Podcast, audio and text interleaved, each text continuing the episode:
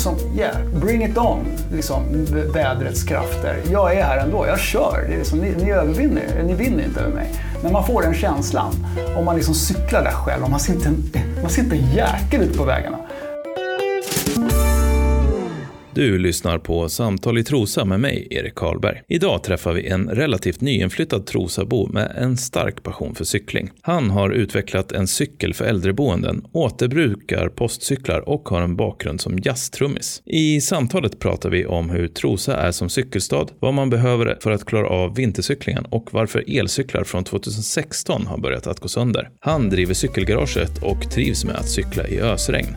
Välkommen att lyssna på samtalet med Stefan Godevenos. Jag är hyfsat nyinflyttad sen eh, fyra år någonting sånt där. Eh, och sen eh, idag är jag en, en företagare i Trosa mm. helt enkelt. Eh, och eh, har varit det i snart två år. Mm. Vart bodde du innan? innan du... Eh, Hägersten flyttade vi. Okay. Ja, precis. Eh, så vi flyttade från myllret utan anknytning egentligen. Vi ville ut till eh, småstan och sen lite lugn och sen så har vi även att bo lite utanför Trosa också. Så vilket, vilket vi gör. Då, så. Mm. Okay. Eh, och vi? Är det... Ja, min fru, eh, två barn, ja, hund. Ja, hela mm. familjen? Ja, alla flyttade precis. Ja. Det var bara att... Hur kom det sig att ni valde Trosa? Eh, nej men vi har väl eh, båtsemestrat här flera år egentligen. Vi tog, eh, vi brukade åka från Hägerstenshamnen där vi eh, hade våran båt när vi bodde i Hägersten. Och sen eh, åkte vi ner eh, och bodde här liksom ganska långa perioder på, i hamnen för vi, det var så mysigt. Så vi drömde oss iväg och tyckte att det skulle vara en, eh, en härlig dröm när man blev pensionär och, och flyttade ner till Trosa. Så vi slog till på en tomt som vi gillade lite utanför, eh, in till en hästgård. Eh, och så tänkte vi att den här har vi. Tills vi känner att uh, vi blir tillräckligt. Liksom. Ja, men det tog uh, något år bara så hade vi börjat bygga ett hus där. Så att, uh, vi kunde inte hålla oss. Vi kände att det, det, man ska inte tumma på livskvalitet. Liksom.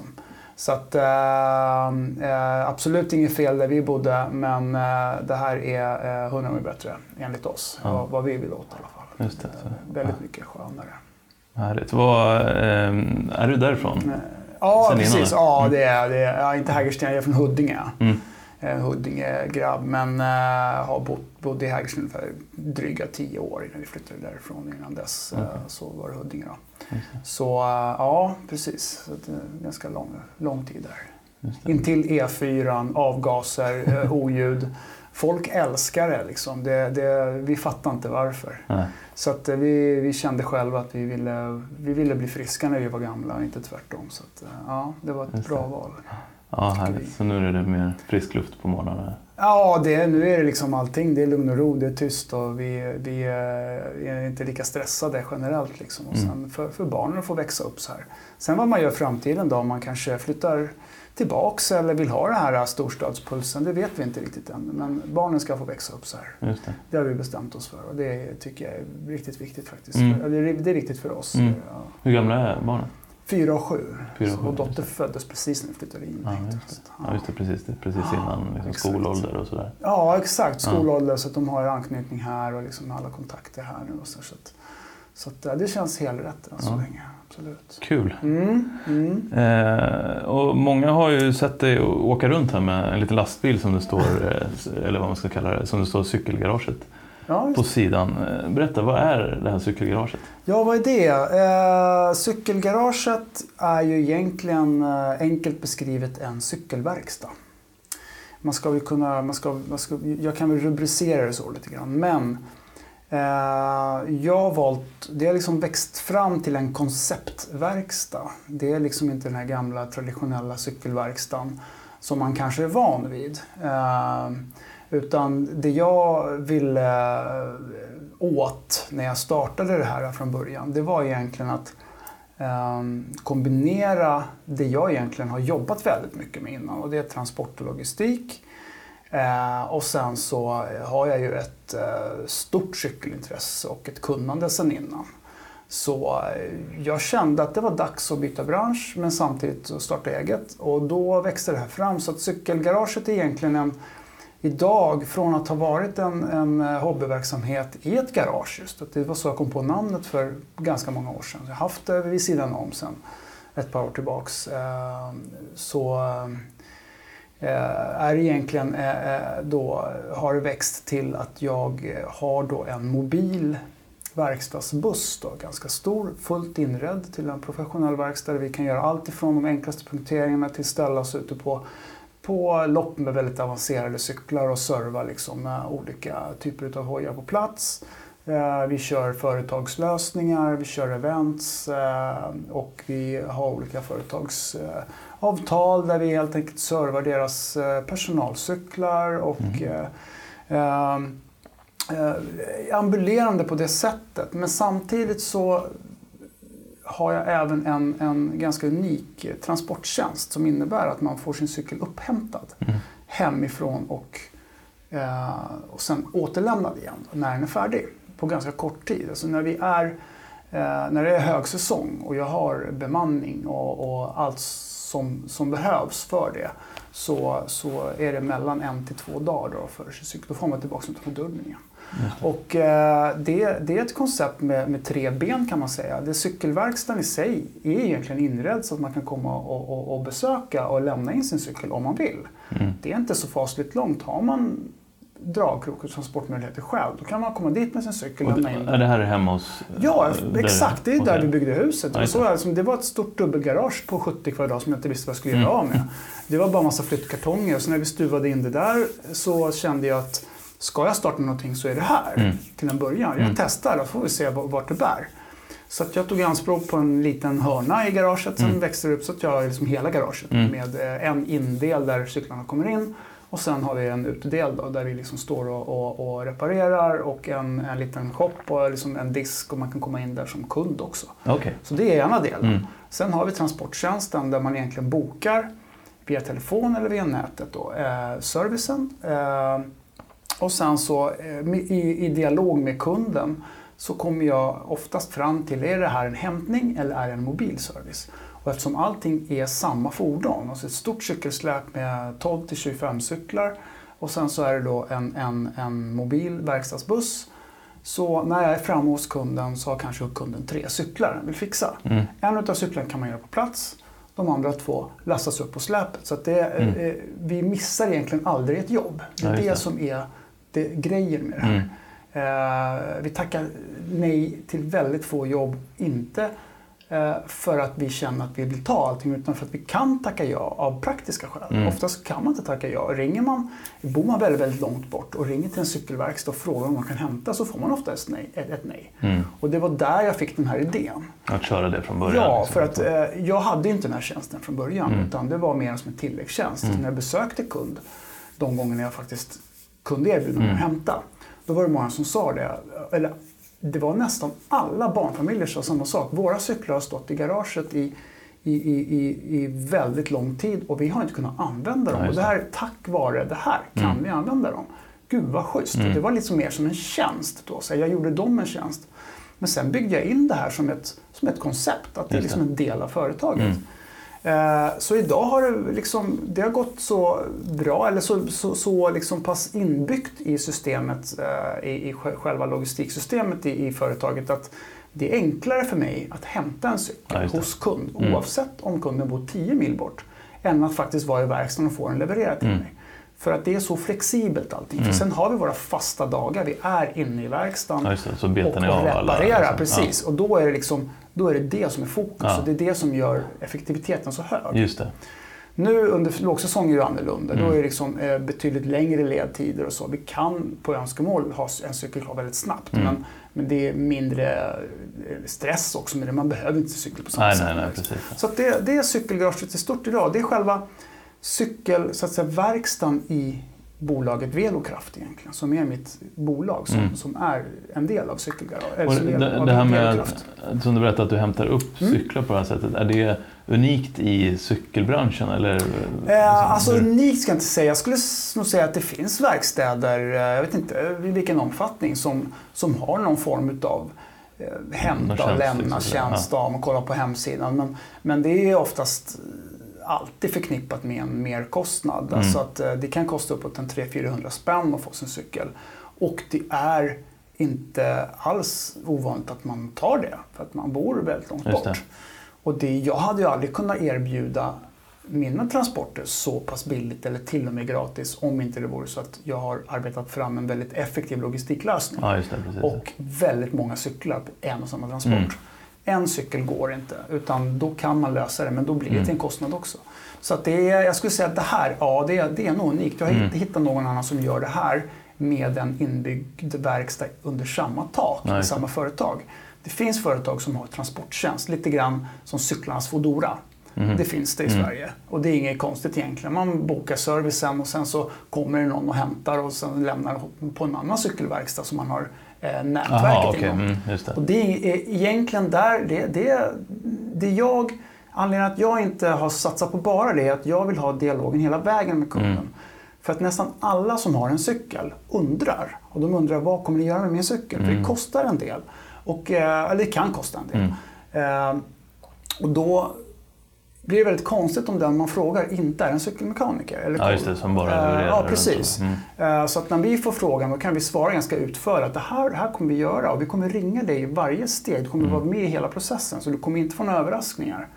Eh, så att det där ville vi liksom försöka förhindra och därför så är det här också en verkstad under samma tak. Annars hade vi kanske splittat upp det, men det vill jag inte göra. Nej. Och det har vi det har jag verkligen märkt har, har varit för, en stor fördel. Liksom, att ha det så. Men eh, vad tänker, finns det tillräckligt med cyklar i Trosatrakten? För att man, för att Egentligen inte, skulle jag säga. Vad jag trodde. Ja. Och ska man se i Stockholm så är det en, en helt annan liksom, typ av cykelanvändande. Mm. Men jag tror tjänsten har blivit så uppskattad och vår kvalitet har, har varit så uppskattad. Liksom. Att vi, vi, vi, vi vill ju verkligen visa att vi är duktiga på det vi gör. Mm. Eh, att vi eh, har, har, tagit mycket mark. Och, det, och sen är det inte faktiskt bara Trosa jag kör. Och det är många mm. som tror det. Mm. För det här syns jag mycket och stora delen är ju här. Men eh, i och med att när jag sätter mig i bilen och börjar köra så kan jag köra, jag kan sitta en halvtimme i bilen. Det är helt okej. Okay. Om jag börjar från punkt 1 till punkt 10 eh, eller hur många cyklar jag nu har. Eh, även om det är i Nyköping. Mm. Det förlorar inte jag så värst mycket tid på. Eller den som kör. Utan eh, det handlar bara om att fylla släpet ja. under en transportdag. Så, här... så att, ja, så att jag, egentligen så kör jag cyklar från Nyköping till Södertälje och runt Gnesta. Mm. Så att det tillsammans blir ju väldigt, väldigt mycket. Som mest har vi haft nästan 70-80 cyklar i veckan. Aha, okay, aha. På två man. Aha. Som vi liksom har fått in och ut hela tiden. Olika som man kombinerar då såklart mobila jobb, verkstadsjobb, hämtning och lämning och kunder som kommer på drop-in. Mm.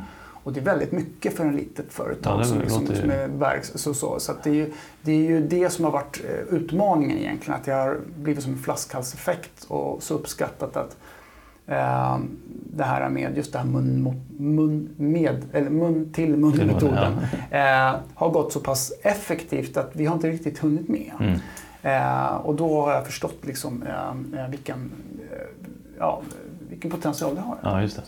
Så, så det, det här eh, när du pratar om att du liksom fyller bilen mm. sådär, mm. det, det, är då samma tänk som liksom DHL och de här har? Ja, med att, det... så, som de funkar med sina bilar? Liksom att, ja, DHL alla möjliga transportbranscher eh, eh, där man inte får gå med tom bil. Mm.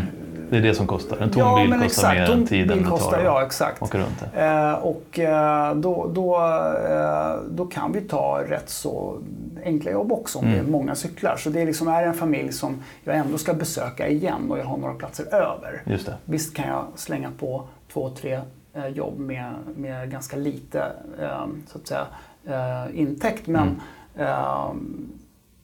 är det en unik cykel, då gör vi det alltid på plats. Och det är det som mm. är det fina med det här. Att liksom när jag kommer dit och det visar sig att det här var bara en punktering. Mm. Vet du vad jag gör? Jag fixar den här åt dig på 10 minuter så har jag den tillbaks. Och då, då har jag fixat den cykeln. Visst, jag har åkt en bit men då vet jag också att på en vända från Trosa till Nyköping eller från Trosa till Gnesta, säg att jag har 15 upphämtningar. Mm. Under den vända så har jag också fixat 10 mobila jobb. Mm. Så, att, så att det är ju liksom, allting är ju sammanvävt. Så att under en kväll så har jag ju liksom gjort väldigt många jobb och hämtat in fyllt verkstaden med cyklar. Så, mm. det, så där har det rullat på hela tiden. Mm. Och sen då, då eh, när man är i verkstaden så har jag satt eh, vissa tider då man kan komma eh, och köra en liten drop-in. Mm. Eh, och en rolig grej också, slump, apropå när vi ändå pratar om vad som är lönsamt i, i, eh, i sådär, så, så, så utan att vi visste om det i år så insåg jag att vi har faktiskt byggt vårt hus intill eh, Näckerosleden. Det är ju vad jag vet i alla fall en, en väldigt väl trafikerad eh, cykelturistled. Med väldigt många utländska cykelturister från Jaha, okej. Ja, allt ifrån liksom Tyskland, Frankrike, Spanien, Italien har vi haft. Helt plötsligt står en familj, kan det stå, när man liksom kommer ut, tittar ut, och då står de där och försöker prata lite eh, halvknackig engelska och kommunicerar. Men så fort det är cykelspråk så snackar vi samma språk. Liksom. Då, jag vet exakt vad de behöver hjälp med. Jag ser på deras cykel och superglada. Och sen kommer det deras tyska vänner som de har träffat någonstans som också vill besöka cykelgård. Så det där är liksom har blivit en liten, en liten eh, sidogrej som inte vi har fattat, som har växt in under sommaren. Som har blivit jä- jättehäftig faktiskt.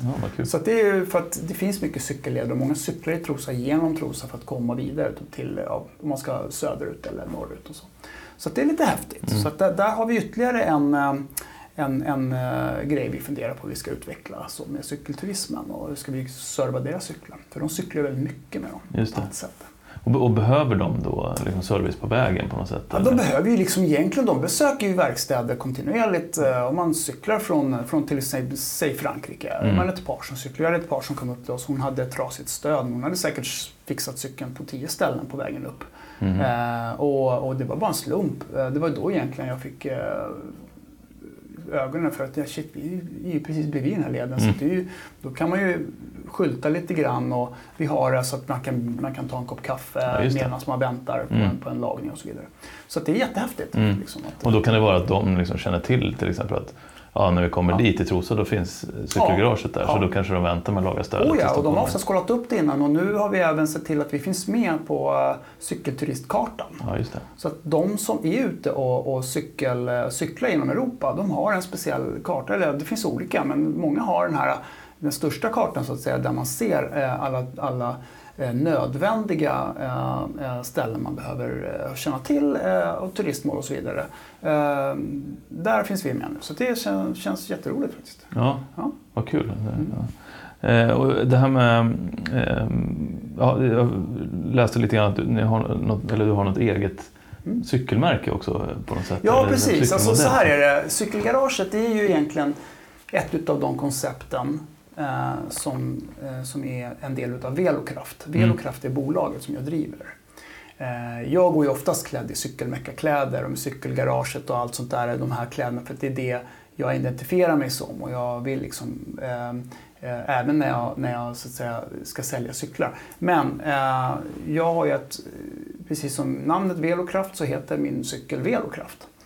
Eh, och då är det så här att jag har tillsammans med Cykla utan ålder utvecklat en eh, taxicykel, en trehjulig, eh, kan man säga, som en lådcykel fast istället för ett, en låda fram, en vanlig cargo bike, så är det eh, en bänk fram för, Mm. för två fullvuxna människor. Och den här cykeln är framtagen för äldre först och främst, eller för vuxna människor och äldre för äldreboenden. Och eh, det är, ett, det är ganska stort världen över egentligen. Eh, Cycling without age som det heter och eh, Cykla utan ålder startades i Trosa för ett antal år sedan och hade inga cyklar. Och eh, jag, galna idéer som jag alltid har så kontaktade jag liksom och sa att jag, låt mig i alla fall kika om jag kan hjälpa er på något sätt. Eh, eh, om inte jag kan bygga så kanske jag kan guida er till vilken cykel ni kan köpa. Och Och så- är- Är konceptet över hela världen det här då? Att man ska eh, cykla ut med precis, de äldre? man ska cykla med äldre på äldreboenden som äldre som inte kan komma ut och cykla själva. Ja. För att man, man har sett sådana positiva hälsoeffekter utav det. Och det har spridit sig från Danmark och ut över hela världen och nu eh, har Sverige eh, börjat komma igång. Okej. Sent men, men ändå eh, är igång liksom kommun efter kommun ansluter sig till Cykla utan ålder och nästa steg blir att köpa in egna cyklar. Så att, eh, eh, det som händer då det är att eh, Börje och Hasse då, som jag har ritat den här cykeln tillsammans med. Vi har designat den och sen har jag då via en branschkollega då byggt den här cykeln tillsammans med, med min, min branschkollega som då bygger specialcyklar just det här ändamålet. De har en fabrik då? Ja, de har, de har en fabrik, ja. Mm. precis. De bygger, de bygger postcyklar först och främst, mm. sen mm. bygger de de här cyklarna också. Då tog vi fram en prototyp för några år sedan och sen så har vi liksom sakta men säkert, eftersom Corona kom, då stängdes ju äldreboendena ner. Så mm. precis då. Och det var därför som jag satsade så mycket på cykelgaraget. Så Velokraft sen har börjat komma igång nu, börjar få mer och mer beställningar. Och den här första cykeln då, som var en prototyp, den har vi då förfinat. Vi har kunnat förfina den i lugn och ro för det var inte så mycket beställningar alls under ett, ett och ett halvt år där. Så vi testar och testar och Trosa beställde ytterligare två, eller Cykla utan ålder Trosa eh, beställde två.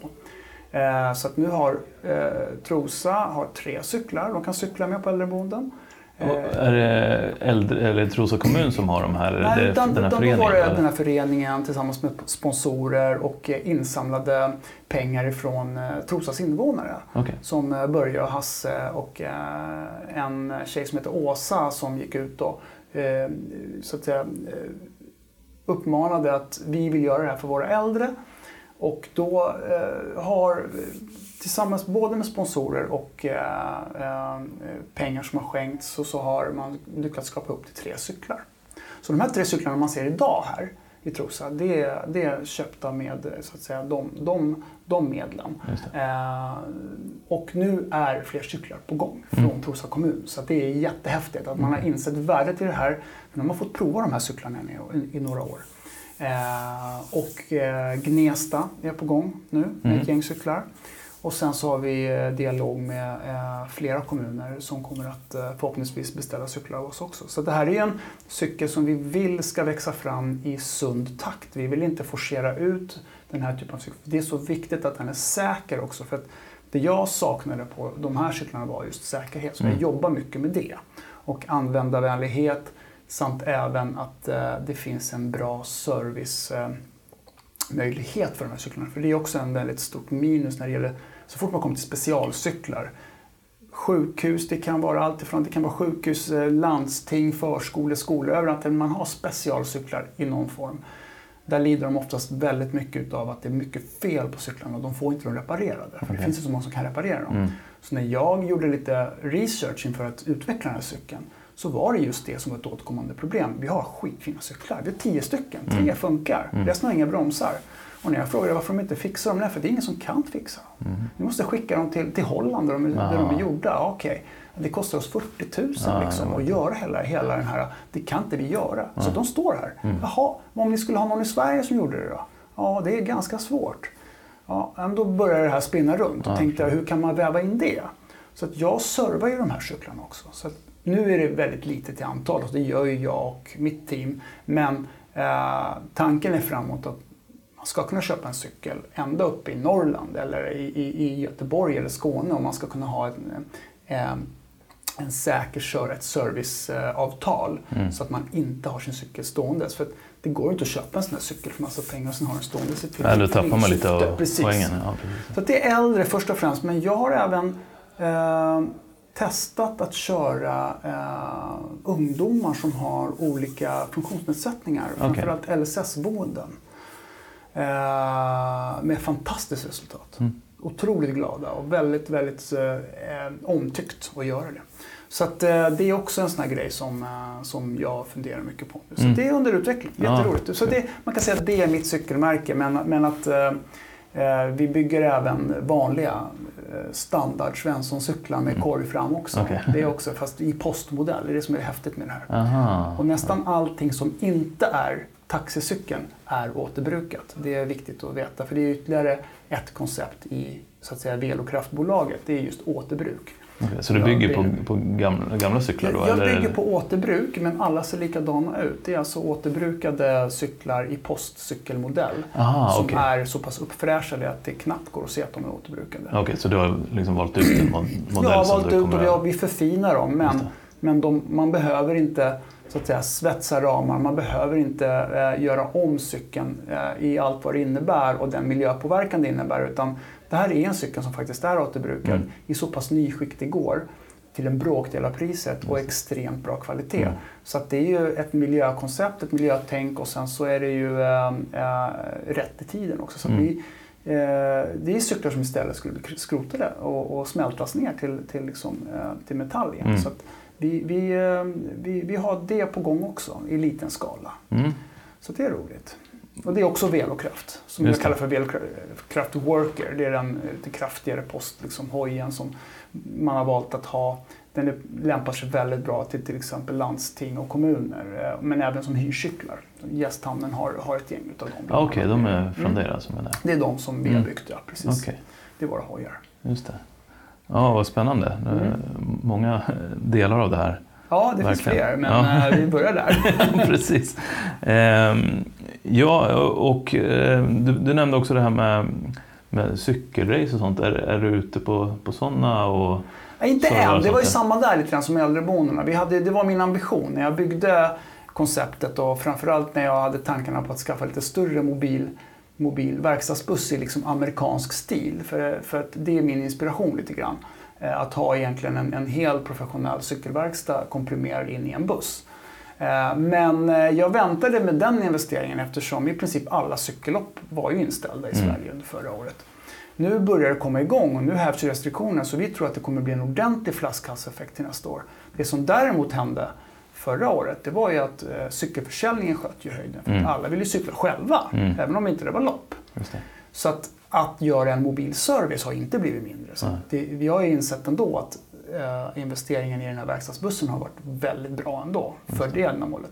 Det vi hoppas på framåt nu det är att kunna vara en, en, eh, en aktör att räkna med eh, på, alltså jobba oss in i den marknaden också. Att ha eh, samarbeten med, med olika cykellopp runt om i landet och kunna stå och assistera och fixa, vara liksom en, en, en, Just en, den professionella en delen verkstad. Precis, ja. precis. Ja, Eller vad, vad man kallar det. Så, mm. så det, det är lite kul. Det är lite tanken att vara mobil och oavsett vad det är så är det en del utav det. Så det, det, det är väldigt roligt. Du lyssnar på podden Samtal i Trosa där vi träffar intressanta personer med utgångspunkt från och i Trosa. Om du inte lyssnat på de tidigare avsnitten så sök upp Samtal i Trosa i din favoritpoddspelare. Där hittar du intressanta samtal med bland annat Erika Fjellstedt som just nu är aktuell med ett nytt presentkort som ska uppmuntra till lokal handel här i Trosa. Minns du din egen första cykel? Ja, inte min första cykel kanske, men jag minns hur jag, hur jag byggde min första cykel. Jaha, okay. ja, ja. Det är en ganska rolig anekdot. Det var faktiskt en granne när jag var ja, under 8-9 år, jag vet inte vad jag var. Men eh, eh, som eh, bad mig att jag har ett par cyklar i cykelrummet som du får göra vad du vill med. Jag ser att du gillar det här. Och jag och mina kompisar gick ner, eh, jag tror jag var 10-årsåldern till och med. Och vi började skruva på dem. Eh, och vi tror jag missuppfattade liksom vilka som var hans och andras. Vi blandade ihop det där lite grann. Så under en hel vinter så hade vi jättekul och skruvade på cyklarna där och bytte. Vi experimenterade och bytte hjul och däck och styren och allt möjligt. Så att vissa, hjul fick, eller vissa cyklar hade ett jättestort hjul bakåt, jätte, jättelitet mm. fram och vi var jättenöjda och testade dem och så. Uh, och sen så kom ju cykelägarna ner till cykelrummet på våren sen och skulle hämta sin cykel. Och alla fungerade ju liksom, men det var vad fasen, här, vem fan satt på ett 12-tumshjul på min mountainbike liksom? Och, och, så det var väl liksom riktigt sånt där hopkok. Och så, så, men när de fick reda på att det var jag och jag hade startat så tyckte de det var skitroligt och stöttade. Och, så att jag tyckte det var kul att bygga tillbaka dem där. Men eh, det var lite så det började egentligen. Jag fattade hur roligt och hur lätt jag tyckte det var för att jag tyckte det var så roligt också. Sen var vi ju nästan alltid ute och cyklade med, med kompisar och jämförde hojar och lite sådär.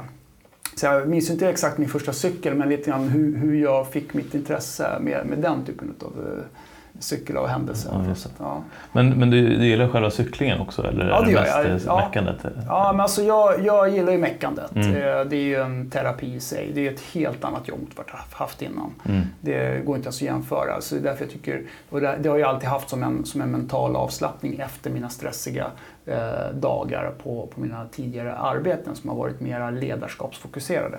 Eh, men ehm, jag cyklar ju mycket också så att jag är liksom eh, cykelintresserad i stort, inte bara mekanik utan jag är intresserad av cykling.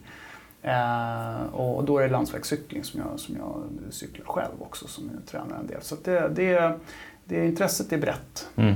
Det är det. Och landsvägscykling, det är det här som man ser Ja, ligger och precis. liksom Ja, bränner exakt. på, på vägarna. De här man blir så jävla förbannad på som ligger där med snabba kläder och trycker. Ja. Eh, men den typen av cykling passar mig när man kan liksom zooma ut och bara fokusera på en grej och liksom känna hur man kommer in i trans nästan. Just det. Och cyklar du riktigt långt då också, eller? Ja, det händer. Mm. Det händer. Allt ifrån tre mil till alltså 15 mil beroende på hur många, hur mycket tid man har Mm. egentligen. Och, och träna och cykla och det.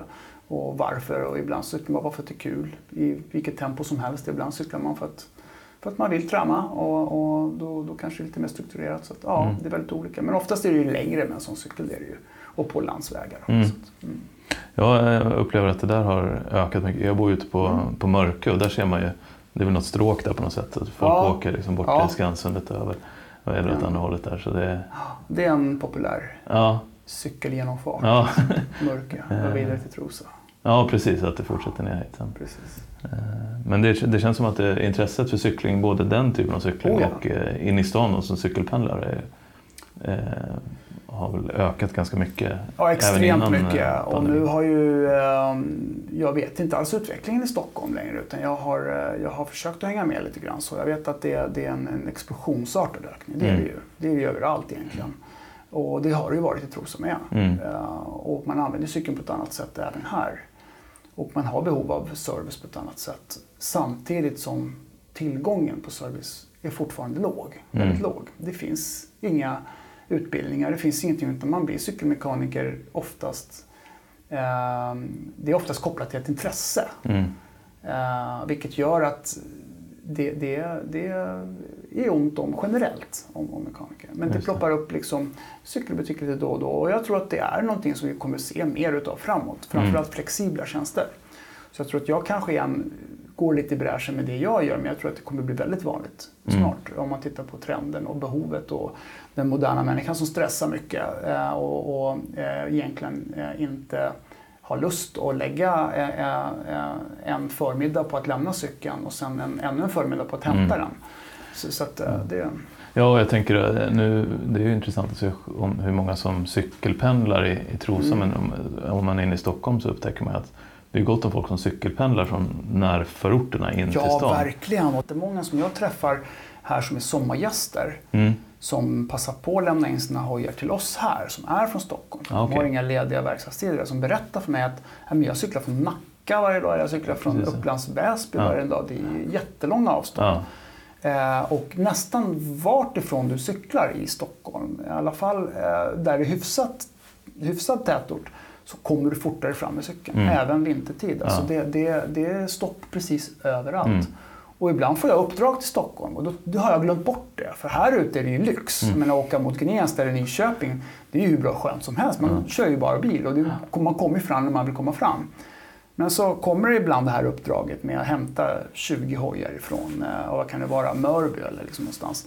Ehm, Då fastnar man där den tiden Mm. och då blir man påmind. Ja. "Det Här, här cyklade jag. Ja. Jag har cykelpendlat jätte, jättemycket också.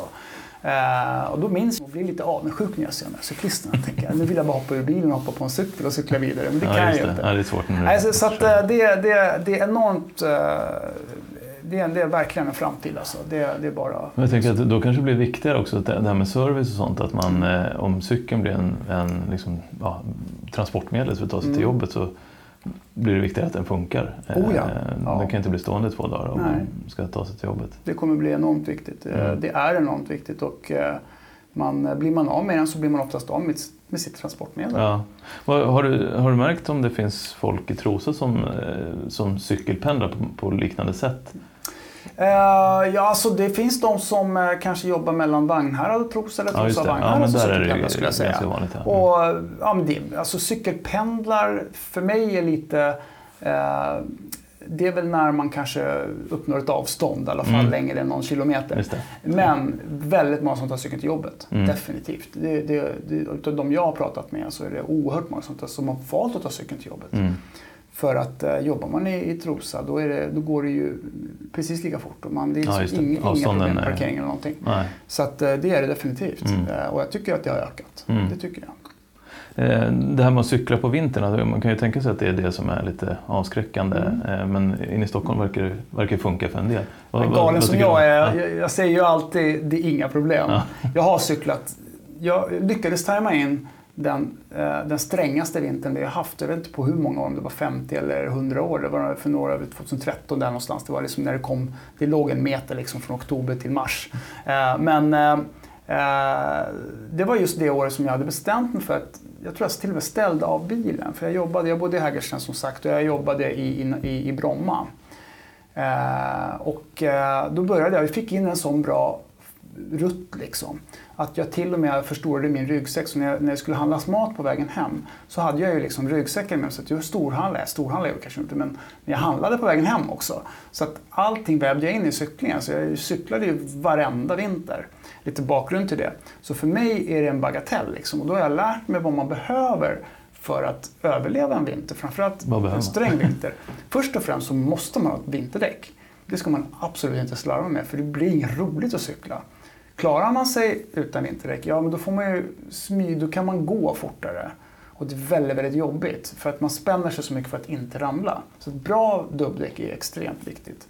Sen eh, kanske se över att man har en cykeltyp för vintern. Det behöver inte vara så dyrt, man behöver inte köpa en dyr cykel men, men den vanliga damcykeln duger alldeles utmärkt. Men blir det vinter då kanske man vill ha något som är lite mer lättcyklat och med lite bredare däck och lite sådär. Eh, sen är kläderna extremt viktigt att man har flera lager med kläder. Så att hela den biten är en stor vetenskap också. Men att man planerar. Ska man cykla på vinter ska man, ska man också planera hur man är klädd. Eh, sen är det väldigt viktigt att man sätter in sig hur kroppen funkar när man blir eh, ansträngd. För det är lite annorlunda på vintern och på sommaren. Och det, det, det man, har, man använder mycket mer energi när man, när man cyklar på vintern. Så att även även kosten tycker jag är viktig. Så mm. jag cyklat ganska långa avstånd när jag, när jag bodde i Stockholm. Men eh, där upptäckte jag framförallt hur, alltså hur viktigt det var att planera eh, långt innan man skulle liksom, att ha det här i systemet. Så det handlar inte bara om att man cyklar på vintern. Och då blir det inte omöjligt. Då blir det nästan kul. Det blir en mm. utmaning. Och man tycker att helt plötsligt blir det vardag. Liksom. Eh, men just det här att eh, eh, gör man det till en vardag så, så är de här grejerna som man kanske tänker att ja, men jag kanske kommer frysa, vad händer om jag liksom, eh, fastnar, får punktering? Det måste man ju fundera på. Ja, men då finns det ju olika lösningar för det också. Mm. Eh, vajrar fryser fast. Vart parkerar du cykeln när du, när du har möjlighet att parkera inomhus eller inte? Är du utomhus, då måste du tänka på ytterligare några saker när det gäller cykelservicen eh, eller cykel... Eh, hur du hanterar den och liksom hur du förbereder den mm. med olika typer av oljor. Så det, Visst, det är extremt mycket att tänka på, men det är fullt möjligt och har man bara liksom tickat av de boxarna inför en vintercykling så skulle jag säga att för mig, ja, som ju visserligen är extremt nördig både i cykling och cykelmäckande, men jag skulle säga att vem som helst skulle nog kunna eh, få ut glädje utav det om man bara gör på rätt sätt. Men jag har träffat folk som kräks på cykeln och har sålt den direkt för de känner att jag skulle testa vintercykla. Eh, och sen har de liksom tagit eh, sin damhoj och sen så har de cyklat tre gånger och bara varit helt slut och tänkt att det här är det värsta jag varit med om. Och det hade jag nog också tyckt. Eh, om jag hade gjort det. I min liksom, kostym med en täckjacka på, mm. en mössa och mm. en hjälm och sen så bara ut på en damcykel och Kan man ha kostymen? Kan man ha kostymen med sig? Självklart kan man ha det. Det, det finns kostymryggsäckar. Men ska man, ska man cykla långt så, så bör man vara klädd för det. Liksom. Ja. Nu behöver man inte gå runt och se ut som att man ska delta i Tour de France bara för att man ska cykelpendla genom storstad. Men, men det jag menar är att man har bra kläder och sköna kläder. Mm. Man sitter på en sadel, det, det trycker lite här och var och man, eh, det, man fryser om fingrarna. Man måste ha knep för att liksom, eh, skydda de delarna på kroppen som kommer att frysa. Som, även om inte det i sig är farligt kanske så kommer det störa själva upplevelsen. För man, ingen kommer vilja fortsätta om man kommer hem varje dag och det gör ont i hela kroppen. Mm. Hittar, man, ö, hittar man bara de eh, knepen så, så blir det bara roligt. Och en annan galen grej som jag tycker, men jag brukar säga att någonting, det roligaste jag har gjort, det är att cyklat när det är de sämsta eh, väderomslagen som har funnits. Eh, till exempel spöregn. Mm. Ja, det är nästa frågetecken. Ja, det är ju rätt häftigt alltså. Ja. Det, det, kan, det, det är många saker man behöver tänka på där också. Det är lite samma grej. Ja. Eh, med både cykel, inte cykeltyp, men i alla fall kläder och kyla. Eh, men den, den eh, liksom känslan när man är rustad för det och känner att allt det här som gör att man känner att det här rör inte mig. Nu, liksom, yeah, bring it on, liksom, vädrets krafter. Jag är här ändå, jag kör. Det är liksom, ni, ni övervinner, ni vinner inte över mig. När man får den känslan, om man liksom cyklar där själv och man ser inte en, man ser inte en jäkel ute på vägarna. Det liksom, man känner så här, bilisterna som ser den måste det här är någon lost person som... Men alltså det är så häftigt. Ja. Om man kommer hem med ett stort leende, om man mår hur bra som helst. Det. är lite grann som att ha varit ute när man var tio år och hade snöbollskrig i fyra timmar och man kom in och drack varm choklad. Det fanns, fanns ju bättre liksom. Just det. Eh, det är lite samma känsla. Så att, ja, för mig, om du frågar mig, så kan jag stå och prata om det här i tre timmar till. Mm. Jag tycker det är skithäftigt. Och det är mycket handlar om kontraster. För man kommer komma här, vi har en trygghet i Sverige. Vi kommer komma hem till vår, till vår varma boning med den där varma chokladen. Liksom. Eh, testa! Liksom, ge det en chans och, och gör en utmaning. Kör en två veckor och hitta sätten. Liksom. Så då tror jag att många skulle bli fast. Alltså. Det är ballt. Mm. Ja, nu snackar mycket om vintercykling men ja, det, det där är, det är ballt. Det vintern är på väg. Ja, den är på väg, precis. och hösten med regnet och allting också. Så ja, och är den på väg då måste man veta hur de ska förbereda cykeln mm. och då finns vi där. Just det, precis. Såklart. Följ gärna podden på Instagram också. Där heter vi Samtal i Trosa. Vad tänker du om den, den tekniska utvecklingen på, med cyklarna då? Från att liksom det, var, det skulle bli fler växlar och sen skulle det inga växlar och så ska, sen finns det elcykel ja, och, och fler eh, växlar igen. Ja. Nej men den är väl, känns väl helt naturlig egentligen.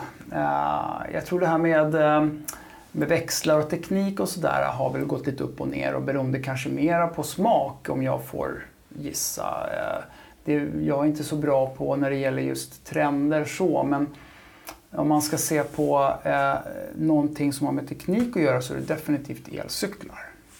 Det har ju varit eh, en, eh, jag minns för 2014 skaffade jag min första elcykel. Eh, och då var det fortfarande så, eller 2013 var det, när jag cyklade med den genom Stockholm några gånger, då var det fortfarande så att det var ganska många som tyckte det såg rätt häftigt ut. Liksom. Vad är det där? Då hade jag ett batteri på den som såg ut som en kaffetermos liksom, och sådana saker. Eh, och sen var det liksom, de flesta jag pratade med var liksom väldigt eh, ointresserade av att skaffa en elcykel. Så det fanns inte alls många. Eh, och det har ju bara de senaste två, tre åren har, har, har varit en extrem boom med, med elcyklar. Mm. Eh, där det är mer eller mindre, många ställen, många butiker säljer nästan bara elcyklar. Mm. Bara för att det, man vet att det, det har blivit så stort och man har, man har förstått hur bra och snabbt transportmedel det är. Och framför allt, även om man gillar att cykla som jag gör och gillar att bli lite svettig så kanske man inte vill det om man har ett möte klockan nio och man mm. vet att nu ska jag komma dit lite fräsch. Uh, då har man ju kanske sin hövding då som är den här nackhjälmen mm. uh, och sen så uh, åker man i kostym och tar en elcykel. Då liksom går det ju superfort om man är på plats snabbt. Så jag tror att det, man har upptäckt det så har det spridit sig och det blivit jättestort. Så det, det blir bara mer och mer. Mm. Uh, tyvärr så har inte tekniken, om man ska dra en parallell till verkstad, uh, vilket gynnar oss visserligen, men, men uh, den har ju inte hängt med. Det finns ju, det, det, finns ju alldeles, eller det finns otroligt många fler elcyklar mot vad det finns kapacitet att, att reparera dem just nu. Mm. Men de är fortfarande nya, det får man inte glömma. Uh, vi börjar se en trend att fler och fler ska gå sönder som är köpta 2016-17. Då börjar de lägga av nu. Mm. Uh, och det, det, är många som inte kan repareras, för då var de billigare. Och det är okay. motorer som man inte kan reparera på samma sätt. Är det motorerna då eller batterierna? Motorerna, som... batterierna, ja. elsystemen. Det, blir liksom, det läcker in vatten, det blir kortslutningar mm. och, och, och, cykeln är mer eller mindre utdömd om man inte har lagt tid på att utbilda sig eller på, eller på att lära sig de här typen av cyklarna. Nu är det många fler välkända fabrikat som är mycket enklare att reparera och folk förstår att ja, men från kanske cykeln som kostade 12 000 är det värt att köpa en cykel som kostar närmare 30 och det här är absolut inget eh, props om det för att sälja cyklar. Jag säljer inte ens cyklar, men mm. ska man se på trenden så är det de cyklarna som kommer bli billigast i längden. För de kan man reparera, man kan uppdatera dem, man kan serva dem precis som en bil ungefär. De är lite mer genomtänkta modeller. Oh, inte ja, bara... betydligt mer. Det finns reservdelar och det är en helt annan grej. Så att eh, det är ju framtidens cykelverkstad definitivt mera åt en, om man ser på en modern Volkswagen-verkstad där man kommer in med sin bil, man pluggar in den i datorn, sen vet bilmekanikern vad han ska göra. Det. Eh, och det ser vi mer och mer av. Så Mm. vi har börjat utveckla vår cykelverkstad också i olika eh, lösningar så att vi kan servera cyklar i framtiden. Så det är definitivt det cyklar det är i framtiden. Mm. När det gäller gemene man-cykeln. Mm. Eh, sen finns det ju de som gillar el på sportcyklar också men Mm. eh, jag försöker ignorera den Ja. tanken. att jag skulle någonsin gilla det, men det vet man inte heller. Det kanske är kul. Nej, precis. Ja, just det. det där blir det en, en mer eh, ideologisk eh, fråga kanske. Ja, va? men det är häftigt också. Jag ser bland mountainbikecyklisterna, där är det faktiskt så här att eh, ska man se på elcyklar där och trenden där så är det ett tag så, i början så tror jag att man tänkte att nej, men det, det, det ska vara träning när man är ute. Man tränar när man nu cyklar mountainbike eller landsväg. Eh, om man slänger på en elmotor, det, det går ju inte. Det finns ju ingen vits med det. Men det finns det, för grejen är att man förlänger tiden man cyklar på. Mm. Eh, så pass mycket att man, man får samma träning men man är ute längre och man har ännu roligare. Det är mer det. action, Ja, det, just är mera, det är mera tempo. Ja, det är Och det går fortare, att så det. Så att eh, de som eh, har testat det, jag har aldrig testat en elcykel i skogen, men de säger att jag är helt slut efteråt. Mm. Det är liksom precis samma träning men jag har haft så jävla roligt också. Eh, det, det har varit som en kick liksom. Mm. Så att det kan jag i och för sig köpa. Eh, Så att eh, vi får väl se innan jag blir frälst. Ja. Jag ska inte säga liksom eh, att jag inte gillar det men jag har inte testat det än. Alltså. Eh, vad skulle du säga om, om Trosa? Är det en bra stad att cykla i? Eh, Ja, det är, alltså, det är en bra stad att utgå ifrån. Den tar slut lite grann. Sen kommer vatten. Eh, så att det, det är ganska svårt kanske för lands, oss landsvägscyklister att eh, hitta eh, ganska centralt och hålla sig rätt nära hemma och liksom hitta bra landsvägar. Så. Men så fort man börjar röra sig ut mot Nyköping och de landsvägarna, så det finns fint där. Men enormt mycket bra skogar för, eller för stigar och stigcykling och mountainbikecykling. det, generellt. Väldigt, väldigt bra stad för cykling och det är en ökande stad för just eh, cykelentusiaster. Oerhört bra. Så att jag är oerhört glad att det var just här, hit jag flyttade. För att jag hade inte några ambitioner att starta ett cykelföretag när jag flyttade hit. Utan det var bara liksom en hobby, hobbygrej jag hade då. Så att eh, ja, definitivt. Pendelcyklingen kan man ju, liksom, ja det är samma där. Det, det, det, det är både och egentligen. Det, den är ju relativt platt i centrala Trosa, så det är ju sköna avstånd. Det är därför jag tyckte att gästhamnen gjorde så bra eh, val genom att skaffa cykel. Oavsett eh, eh, typ av cykel så är det ju ändå hyfsat långt att gå från sin båt till en mataffär, men med en cykel så har de ju helt plötsligt en möjlighet att, och det är inte så ansträngande för det är Mm. ganska så liksom plant överallt just där. Just det. Så att, eh, ja men det är absolut ett långt ja. Ett långt ja. Mm. Precis. Eh, Härligt. Vad, eh, finns det någon, någon del som är besvärligt för cyklister? Alltså, finns det någon, väg, Ja. alltså någon Ja, vägdel? vägar. Ja, ja, något sånt har jag tänkt på. Oj. ehm, alltså jag tycker själv, det beror på vilka cyklister du menar. Eh, man kan ta rätt många småvägar för att komma dit man ska. Det är väl jag tycker har blivit lite läskigare med generellt med eh, landsvägscyklingen eftersom människor tar mer, mindre och mindre hänsyn och eh, de har inte eh, det, den, den, den, eh, det samarbetet jag, jag skulle vilja se liksom, när man är ute och cyklar. Så att man ju- går ju alltid lite nervös när man kommer ut en bit utifrån Trosa, så att man ska cykla mot Nyköping eller mot Gnesta eller mot Stockholm. Så, så eh, kommer det alltid några bilar som kör väldigt nära. Mm. Det är snarare där det är farligt. Jag skulle inte säga att det, annars är det, det, det är som vanligt, tycker jag i alla fall personligen. Och jag har inte hört mycket om det heller.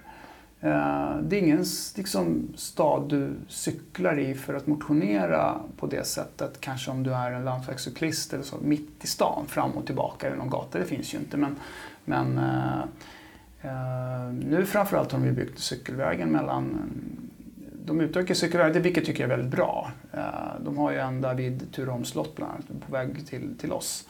Och sen eh, hela vägen till Vagn. Här har det funnits ett tag där så planerar de på att utöka hela tiden och sen nu den här nya cykelvägen här mitt i Trosa också som har byggts. Så att det blir ju bättre.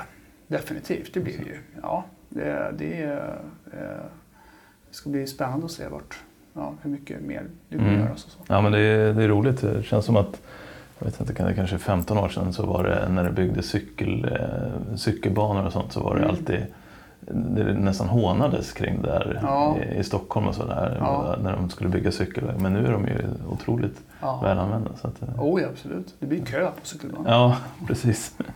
Eh, Men jag tänkte vi skulle prata lite grann om vad du gjorde innan det här med, med cyklingen. Du, du har nämnt lite grann att du jobbar med Ja. logistik och sånt. Ja, Vad- precis. Vad gjorde du? ja, men jag jobbade som eh, eh, vad ska säga, områdeschef. Eh, det, det, det är svårt att nämna, liksom benämna exakt vad titeln var, men det är någon slags region områdeschef, något sådär, eh, inom ett postföretag eh, med just transport, logistik och posthantering och, och pakethantering och sådär.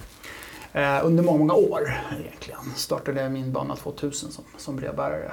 Eh, efter att ha skolat mig till musiker och försökte hanka mig fram som det. Eh, och sen vart det liksom det ena ledde till det andra. Och sen så jobbade jag där och sen sa jag upp mig därifrån.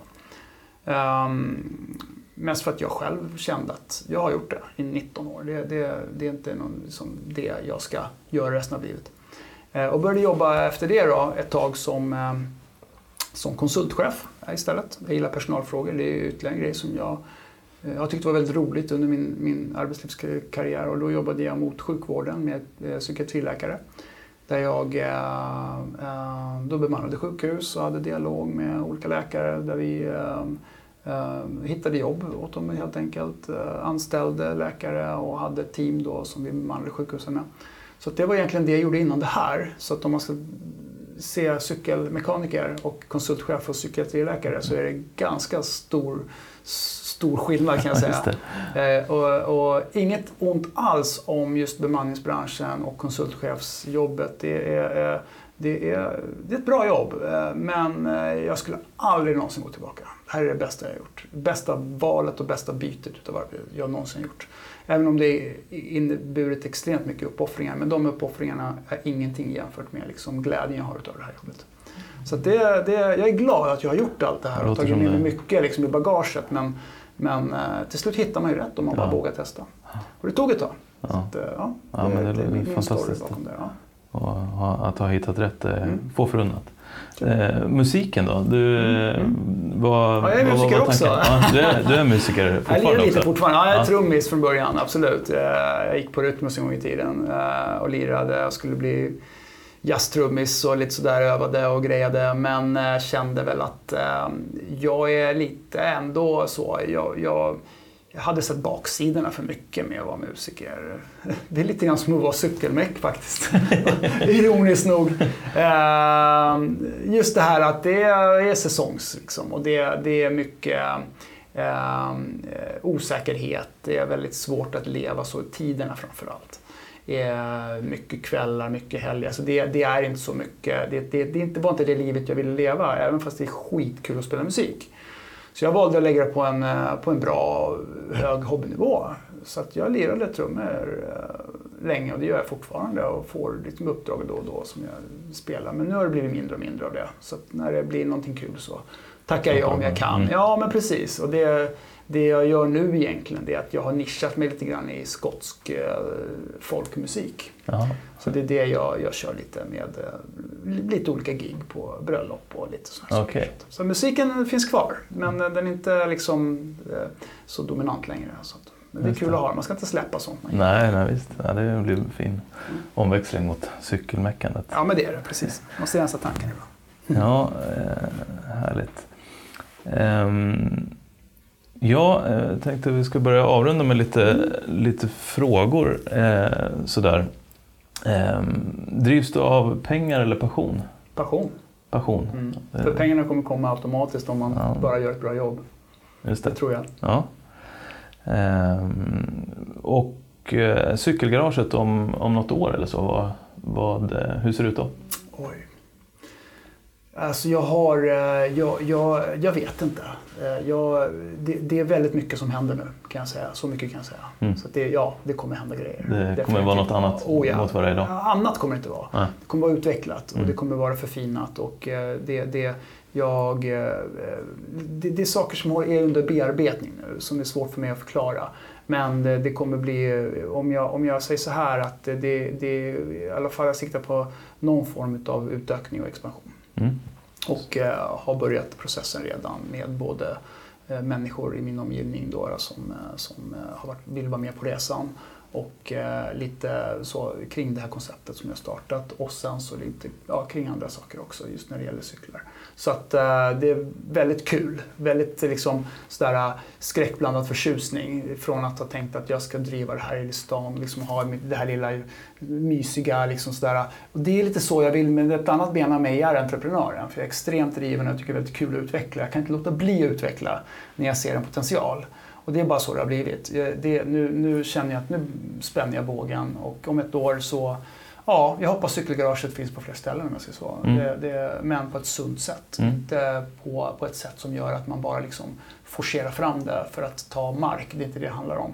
För vi, jag har aldrig tänkt så här. Jag har aldrig någonsin sett någon som en konkurrent eller någonting. Utan jag har alltid eh, bett alla mina kunder att vara så ärliga som möjligt. Och så har jag alltid sagt att om du tycker att det här är bra, sprid det vidare. Mm. Uh, och lagt väldigt, väldigt lite pengar på marknadsföring. Extremt lite. Uh, haft lite lokaltidningar någonting, men ingenting liksom. Utan jag har känt att funkar det, då vill jag att det ska funka på riktigt. Och det är på den vägen det är, liksom ett efter ett. Och så att om ett år, ja, jag, jag hoppas det i alla fall, att, det, att det, mina planer ska gå i lås. Liksom. Mm. Så, så, att, uh, inget storslaget men definitivt uh, mer, liksom, mer sunt cykelgarage. Det tror mm. jag definitivt. Ja. Och kanske på lite fler orter. Kul. Ja, då får vi kanske anledning att återkomma ja, eh, ja. om något år och se hur det ja, har gått. Eh, en sista fråga. Har du någon favoritsträcka att cykla på? Jag? Mm. Oj, oj, oj. Ja, vad ska det vara? Jo, men det har jag nog faktiskt. Eh, det är ju favoritsträcka, men den är farlig också. Det är för att jag har, eh, eh, vi har ett landställe, vi hade eh, stark anknytning till Stjärnhov en gång i tiden. Jag och min eh, familj. Eh, nu har vi inte det längre. Men när jag åker bil den sträckan så, så är det, alltså jag tycker den är så vacker. Det är så många minnen. Så att kör man landsvägscykling för mig så är 57an hur fin som helst men totalt jäkla livsfarlig om jag får säga så. Uh, tyvärr. Det går alldeles för fort med bilarna där så att jag har faktiskt inte cyklat mycket där alls. Någon gång. Uh, annars så är liksom den, det är som så. Men det jag cyklar oftast har blivit mycket lite kortare för tidspressen för jag har jobbat så mycket. Uh, men en favoritsträcka är faktiskt Trosa-Stockholm annars. Okay. Uh, körde jag mycket faktiskt när jag jobbade inne på Östermalm. På mitt, som konsultchef där så cyklade jag en del från eh, hemifrån, Trosa. Inte så ofta, men, men det hände. Eh, och olika delsträckor där jag lastade på cykeln på bilen. Strategiskt beroende på form, och ork och tid så parkerade jag alltifrån eh, alltså och cyklade alltifrån hemifrån då till Östermalm. Eh, Järna var ett stopp, Södertälje, Botkyrka, Älvsjö. Beroende på, hade jag bara 20 minuter på mig att cykla, men då tog jag Älvsjö hade jag en hel dag, men då var det hemifrån. Mm. Så att äh, den sträckan sitter också det är också en favorit. Mm. Så att äh, det är inte mycket nu cykling den vägen, för jag har inte så mycket anknytning på det sättet. Men äh, härom, för inte så länge sedan så skulle vi åka och hälsa på min svärmor i Fruängen. Så sa jag till min fru, men du jag sticker två timmar innan för jag tar cykeln. Mm. Jaha, nej men det var fint väder, solsken, allting var helt underbart. Förutom att det var den starkaste motvinden jag någonsin har varit med om hela vägen till Stockholm. Så jag var ju bara ett vrak när jag kom fram. De undrade vad som hade hänt. Jag sa, nej jag har bara cyklat. Det är ingen jättesträcka, men är det så så får man jobba. Så att, nej, men det, det är lite sådär. Ja, och sen har jag ju en väldigt stor svaghet för eh, Även om jag gillar landsväg så är det väldigt stor svaghet för eh, stadscykling. Alltså cyk, cyk, cykla inne i en stad. hur ballt som helst. För att uppleva det? Ja, liksom, nej, men alltså vad är pulsen? Precis. Ja. Inte cykla speciellt fort, liksom, inte det. Men alltså där, det är också en favoritsträcka. Att ta mig in till Stockholm och cykla där, det är underbart alltså. Bara, man ser så mycket. Framförallt mm. man har bott i Trosa i nu fyra år. Bara kommer dit, det är liksom wow. Ja, höga husen, ja. Var det så? så att det är många, många. Så att jag kan rabbla upp mycket, men ja, lite där. Ja. ja så. Kul. Eh, jag gillar det här konceptet av att eh, ta bilen till olika ja, olika nivåer på sträckan. Det var också ytterligare en galen grej som jag liksom kom på. För hur ska jag göra för dels spara bränsle, det var en ekonomisk grej också. Jag menar, pendla till, från Stockholm, från Trosa till Östermalm varje dag, det är inte roligt och tullar och grejer. Och så började man leta gratisparkeringar och sen tog jag bussen. Så men vänta nu, vad ska jag ta bussen för? Ta cykeln, testa det. Då tog jag cykeln. Jag cyklade ju såklart hemma. Jag satt i garaget och cyklade på min liksom, motionscykel. Men, men, men, nej men fasen så gör jag. Skit i motionscykeln. Mm. Och sen var det liksom första stoppet blev i Älvsjö bara för att reka. Sen ökade jag på det där. Sen var egentligen den medelbasen, för jag kände hur mycket orkar jag på en dag för att jag fortfarande ska ha fokus, för det var ett väldigt viktigt arbete. Jag ville ju ha fokus när jag var där. Så för mig var två mil enkel resa var perfekt. Två till två och en halv mil enkel resa. Vilket kan låta mycket, men har man bara liksom ett, ett flow så, så funkar det. Mm. Då parkerade jag i utkant av Botkyrka. Och så pendlade jag från Botkyrka, från Fittja, Alby där, hela vägen in. Mm. Och, och, många gånger var det en liten omväg om man ville, om det var fint väder. Och sen tillbaka. Så att det här var liksom basen där jag mest cyklade. Sen mm. var det många gånger från Södertälje och hemifrån. Så, mm. så det där är ett, eh, som jag berättar för många, och det är många som har faktiskt anammat det där. Mm. Jag tycker det är skithäftigt som pendlar från, inte just Trosa, men andra ställen då. Som ställer bilen på gratisparkeringen ja, och tar cykeln resten. Man behöver bara en dragkrok eller ja. på taket eller hur man nu löser det. Smidigt. Mm. Eh, ja, tack så jättemycket för ett intressant samtal. Ja, tack Stefan. själv. Tack. Eh, och stort lycka till med ja. cykelgaraget ja, och alla projekt. Tusen tack. Jätteroligt. Tack så mycket. Ja. Du har lyssnat på Samtal i Trosa med mig, Erik Karlberg. Gäst idag var Stefan Godevenos och podden den spelades in på Finnkontoret.